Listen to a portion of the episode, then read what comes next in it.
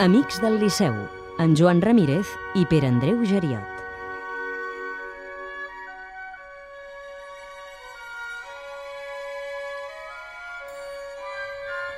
Avui no som el tercer diumenge, sinó el quart. La setmana passada no hi va haver aquesta secció perquè Catalunya Música us oferia en directe la transmissió del concert final del concurs internacional de cant Francesc Vinyes des del Gran Teatre del Liceu. Aquesta és la cita mensual que us oferim des del programa Una tarda a l'òpera de les activitats que s'organitzen des de l'associació Amics del Liceu. Joan Ramírez, bona tarda. Bona tarda. Què farem avui? Doncs mira, avui tenim eh, bastanta teca, eh, perquè començarem parlant d'una de les activitats més populars i més èxit de, dels amics, que són les trobades amb, amb els artistes, amb els cantants. I bé, ja que tenim nou local, aprofitarem per parlar-ne amb, amb el nostre president, en Julio Molinario, i bé, i acabarem fent algunes pinzellades de les activitats que hem fet i que farem aquest, en aquest mes. Doncs tot això durant els pròxims minuts posem un separador de veu i comencem. Els Amics del Liceu a una tarda a l'òpera. I due figli vive a padre beato, il buon contadino una nutrice del secondo nato, dormia presso la cuna. Il Trovatore de Verdi ja ens queda una mica lluny, Una això mica, ja era l'any eh? passat, Sí, el sí, el 2009, 2009. però hem de començar parlant d'una trobada aquesta que deies, que es va fer just abans de Nadal, amb alguns dels intèrprets, no hi eren tots, però sí una representació significativa de la Exacte. producció que va haver al sí, Liceu. Mira, amb, els cantants mai es pots estar segur fins a realment l'últim moment. Eh? Passen aquestes coses, Exacte, tot això sempre passa. Bé, doncs, com ja dèiem, es va fer la, la trobada amb els cantants. Com, com deia, és realment de les activitats que fem que té més èxit, més bona resposta entre els socis. Socis i no socis, eh?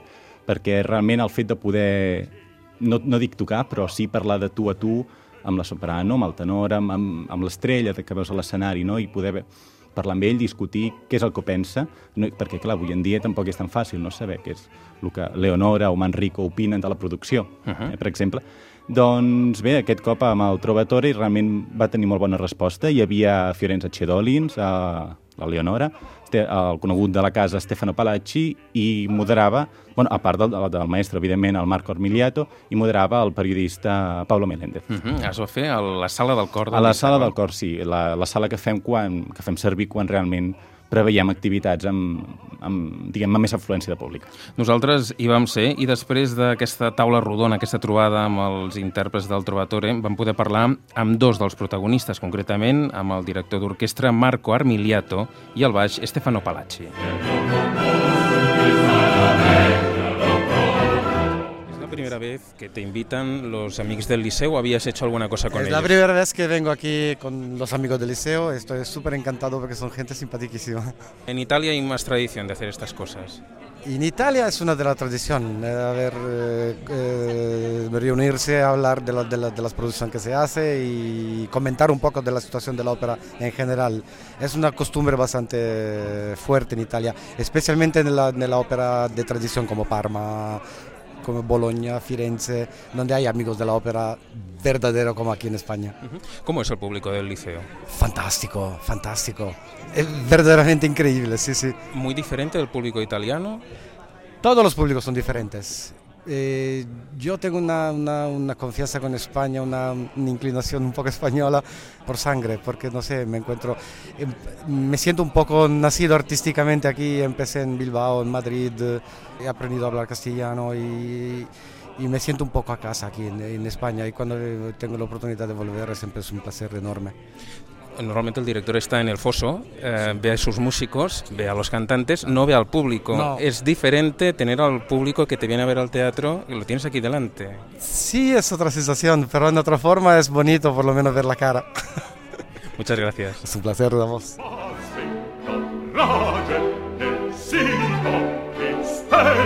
No és el primer cop que participes en algun dels col·loquis dels Amics del Liceu, o, o sí? Pues sí, és el primer cop. M'han trucat en altres ocasions, però és el primer cop que he pogut, que, que he pogut eh, venir aquí a, a compartir aquests moments. Però tens molts seguidors. Bueno, és que bueno, tinc molts amics, perquè ja, clar, són, són quasi 25 anys cantant aquí, i clar, conec molta gent, i, i, i molts d'ells, a més de públic, pues, són amics després de tant temps. És una proposta, és una experiència bonica, no? perquè vosaltres els cantants sí que veieu al públic, però, però vaja, és, un, és una disposició, un, és com molt més distès, és diferent, no? Sí, aquí estàs molt, molt més a prop, clar, quan estem a l'escenari doncs no, no, no els veiem, no, només a l'últim moment quan sortim a saludar, però aquí estàs més a prop, pots interrelacionar-te, pots canviar impressions, et fan preguntes, i bueno, doncs està molt bé, és una iniciativa molt, molt maca i, i he estat molt content de venir. Et repetiràs, si conviden. Pues sí, si em conviden amb molt de gust. Gràcies. A vosaltres.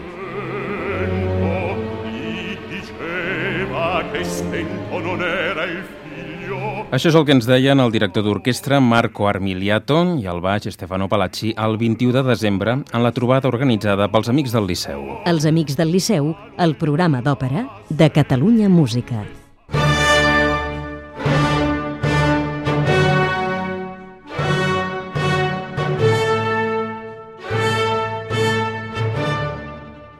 Canviem de tema i parlem ara del nou local que no fa gaire que s'ha sí. estrenat, el nou local dels Amics local, del Liceu, eh, per, flamant, nou per local. Fi, bueno, flamant és que fins ara no en teníem de, de local propi, era un uh -huh. espai de, del Liceu que ens cedia i ara ja des de fa un parell de mesos doncs, que ens vam traslladar molt al costat, eh, just a les Rambles entre Sant Pau i Hospital, amb el nou local molt més gran i diguem que ens permet realitzar totes les activitats de l'associació, des de les reunions de la Junta, fins a tenir tota la nostra documentació, la biblioteca, la, dis la discoteca de, de la, del nostre fons i, evidentment, també rebre d'una forma millor els socis, que fins ara era una mica, diguem, incòmode per ells. Uh -huh. De tot això, d'aquests temes, en vam parlar fa uns dies amb el Julio Molinario, que és el president de l'Associació Amics del Liceu, i això és el que ens deia.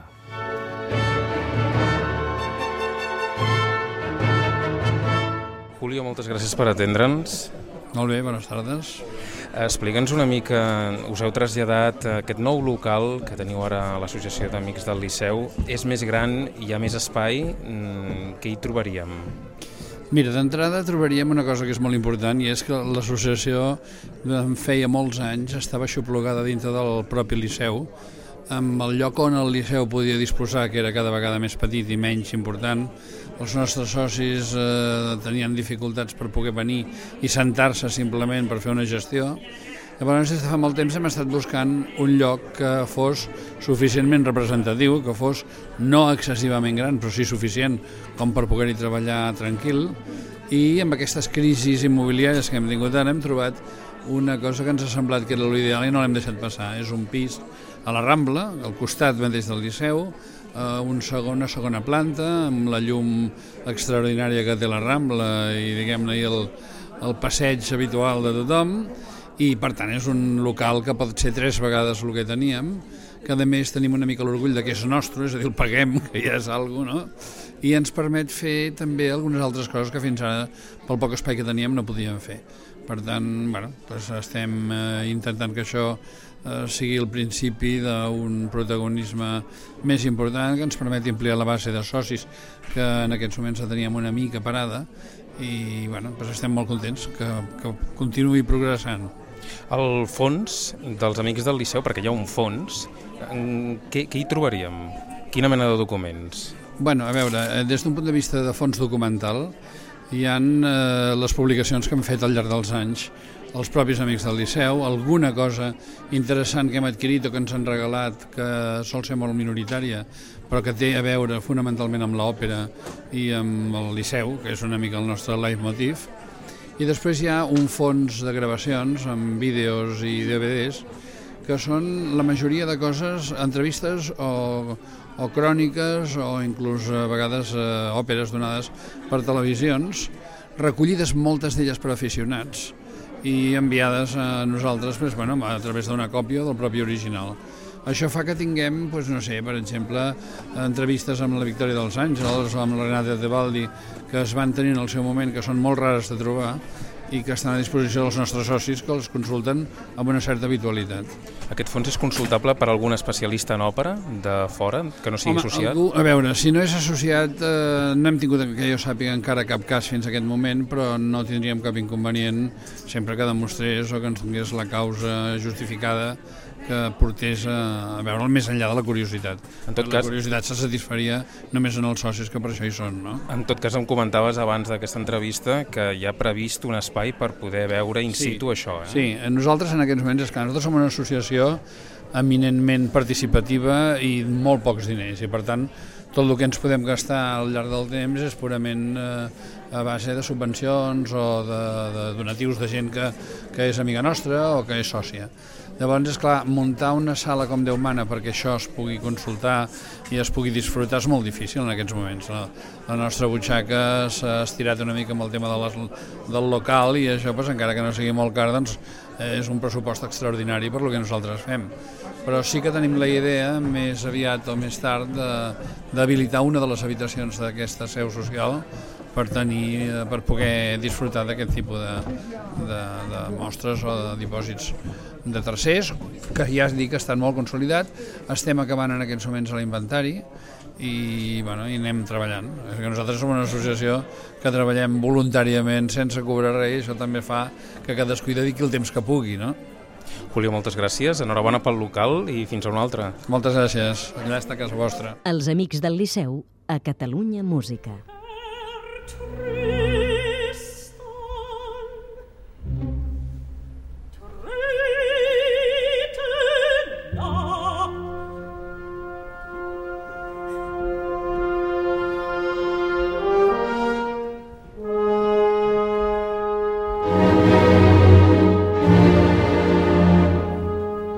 Sentim Wagner, concretament Tristany i Isolda, que és l'òpera que actualment es pot veure al Gran Teatre del Liceu, de fet, des d'ahir. Des d'ahir és la que està en cartell. Mm, Ja s'ha estrenat, per tant, la xerrada prèvia ja s'ha fet. Sí, es va fer, eh? i bé, sembla que d'una òpera tan coneguda com el Tristany, eh? i sobretot el Liceu, amb un públic tan germanòfil, gairebé no quedin coses per dir i gairebé no, no hi hagin ganes d'anar-hi, no? però tot i així Vols es dir? va fer... Vols dir? Bé, tenim, un, ai, ai, ai, tenim ai, uns ai. socis molt fidels i, Jo crec que i, sí. I, i, no, i, i sempre, sempre s'aprenen coses noves Segur. i a més en, en Miguel Ángel González Barrio, que va ser el, el ponent d'aquesta conferència, que és crític de, de Diverti, uh -huh. doncs sempre és un, és un plaer escoltar-lo i, se, i, com dic, sempre s'aprenen coses noves, fins i tot aquestes òperes tan, tan arxiconegudes a, a casa nostra. Sempre, sempre s'aprenen coses noves. Cal comentar que el grup wagnerià, un grup del qual ja hem comentat coses aquí al, en aquesta secció de, dels Amics del Liceu, lògicament, òpera de Wagner, activitats, De Wagner, sí. a dojo. I mai falla. Doncs sí, últimament tenen molta feina i amb el, bé, i amb el Tristany doncs, vam, vam fer en dues, en dues sessions doncs, la primera part i segona part, perquè clar, el Tristany dura les, seva, les seves horetes. I, però bé, eh, el grup Wagner té feina, però també el grup Verdi, eh, perquè de cara a la, a la fill de regiment, encara que no sigui diguem, una òpera de, del compositor de Busseto, doncs també estan preparant eh, alguna sorpresa. Mm -hmm. per, per això no podem avançar encara, o sí? Bé, alguna... Va, deixen alguna cosa, vinga. No, um, fragments... Eh, Serà una, una, una sessió relacionada amb el bel canto, no només estrictament amb la filla del regiment, sinó amb el bel canto en general. Podem avançar la data? d'aquí? Eh, bé, això encara s'ha de... S'ha de negociar. Exacte. Bé, doncs no deixem encara la música de Wagner. Herrin, was ihr wünscht. Bé, no deixem Wagner perquè el senyor Joan Ramírez, aquí present, agafa les maletes i se'n va a Berlín a veure a- aquella famosa marató que vam comentar al mes de desembre. sí, sí, tu hi eh? vas. Jo hi vaig. Afortunat, que ets un afortunat. Afortunadament, va, mira, és un plaer acompanyar com a acompanyant del grup, eh, perquè aquest viatge realment eh, està, és un èxit. Eh, de, ja veurem com, Ja ho com és, va. abans de fer-se ja, ja ho veurem, és. perquè està gairebé tancat el grup. Uh -huh. mm, I bé, és, com, com deies, és la, aquestes maratons Wagner, que és el que a la Deutsche Oper, no és a l'Estat Oper de Berlín, sinó a la Deutsche Oper, fan el que anomenen les Wagner Weeks, les setmanes Wagner. Eh? De fet, és com un llarg festival que dura des de novembre fins a finals de, de febrer, eh? del mes que ve, i on es representen tot òperes de Wagner. Nosaltres, particularment, anem a veure una raresa, eh, que és Rienzi, una de les seves primeres, sí. i després molt coneguda, Tannhäuser, l'holandès Arran, i a Lohengrin, eh? i em podran gaudir de veus com Walter Meyer o Ben Hepner, Carai. que sí, sí, això Déu-n'hi-do. sempre, sempre eh, és un, vaja, un luxe i que bé, en la, pròxima secció tindrem la crònica partint. Però a més, tu no te'n vas un mes, no, no. És una òpera cada dia. Exactament, són quatre dies intensos, és del 9 al 15, però els quatre dies centrals és Wagner diari. Escolta'm, què cal fer si hi ha algú que a última hora? Perquè això, els dies exactes em deies que Sí, eren... es marxa el 9 de febrer, que és 9 un dimarts, febrer, uh -huh. i es torna... Bé, la tornada de, sempre depèn de cadascú, però generalment és, el, serà o, el, o bé el diumenge o bé el dilluns, uh -huh. el, el dilluns següent. Uh, què cal fer? O sigui, si algú ens està escoltant i si volgués afegir... Doncs El primer que hauria de fer és afanyar-se i trucar ràpid. Bé, avui no, que estem tancats, però mm, demà dilluns corre i trucar als amics del Liceu, que si es dona el telèfon, és el 93 317 73 78, i bé, preguntar si encara queda alguna plaça, però bé, ja aviso que aquest viatge... Serà difícil, eh? Encara que sembli molt dur, hi ha molta gent disposada a escoltar un Wagner diari. 93317 7378, aquest és el telèfon dels Amics del Liceu. Eh, què, què és l'anella cultural? Perquè això és un Bé. projecte que va sortint i ara Mhm. s'hi han afegit els Amics del Liceu per Sí. col·laborar-hi. Mhm. De quina manera? Doncs bé, la, la col·laboració que fem els Amics del Liceu bé, és una, és una petita col·laboració no? amb el que és el projecte de, de, del Liceu per um, transportar la seva òpera arreu de Catalunya. I bé, el que fem nosaltres és intentar donar un toc humà a lo que és la, la sessió prèvia a l'òpera, no? Igual que en el Liceu, en el foyer, a la sessió introductòria, on s'explica l'argument de l'òpera, es parla del compositor, de la posada en escena, doncs la nostra tasca és, més o menys, ens van demanar fer el, una cosa similar eh, en particular a l'Auditori de Granollers. eh? De moment va ser un, com una prova pilot a l'Auditori de Granollers i realment va sortir molt bé, la gent va, ho va agrair molt, no? que algú anés i realment els hi expliqués. Si no, el que es fa és, hi, hi ha un DVD que, i s'explica eh, el mateix, però hi ha la diferència d'un DVD o realment algú que, que va, realment es desplaça i ho explica. El que s'intentarà és realment que això pugui continuar i que no només sigui a Granollers, sinó que s'escampi pel, per la resta de teatres de Catalunya. Per tant, són les xerrades prèvies Sí, de les exacte. transmissions que es Sí. fan des del Liceu i que arriben Mhm. a teatres de, de Catalunya, d'arreu Sí, de Catalunya. En sí. aquest cas deies Granollers. Mhm, Sí. I encara hem de parlar d'una activitat que s'ha de fer durant els pròxims dies. Eh, és un homenatge a qui va ser crític del diari El País i també de Ràdio 4, Pau Nadal. Sí, i que a més a més va ser, diguem, un de, dels, alma, de, dels fundadors eh, de, de, dels Amics del Liceu i realment un, un amic molt fidel a, a la nostra associació. I bé, en, en homenatge seu, el, el 28 de gener, a dos quarts de nou del vespre, al foyer del Liceu, es farà un recital en, en homenatge seu, eh? i cantaran, sobretot cantants que, van, que el van conèixer de prop, eh? com Josep Ruí i Rosa Mateu, també altres com Josep Fadó, eh, repertori italià, àries, duets, eh, piano, eh, com diem, el 28 de gener. Mm -hmm. Això és un dijous a Mhm. dos quarts de nou, un concert gratuït al foyer del Liceu, gratuït per tothom, eh? no Mhm. només pels Sí, sí, amics del Liceu. Entrada lliure a tothom.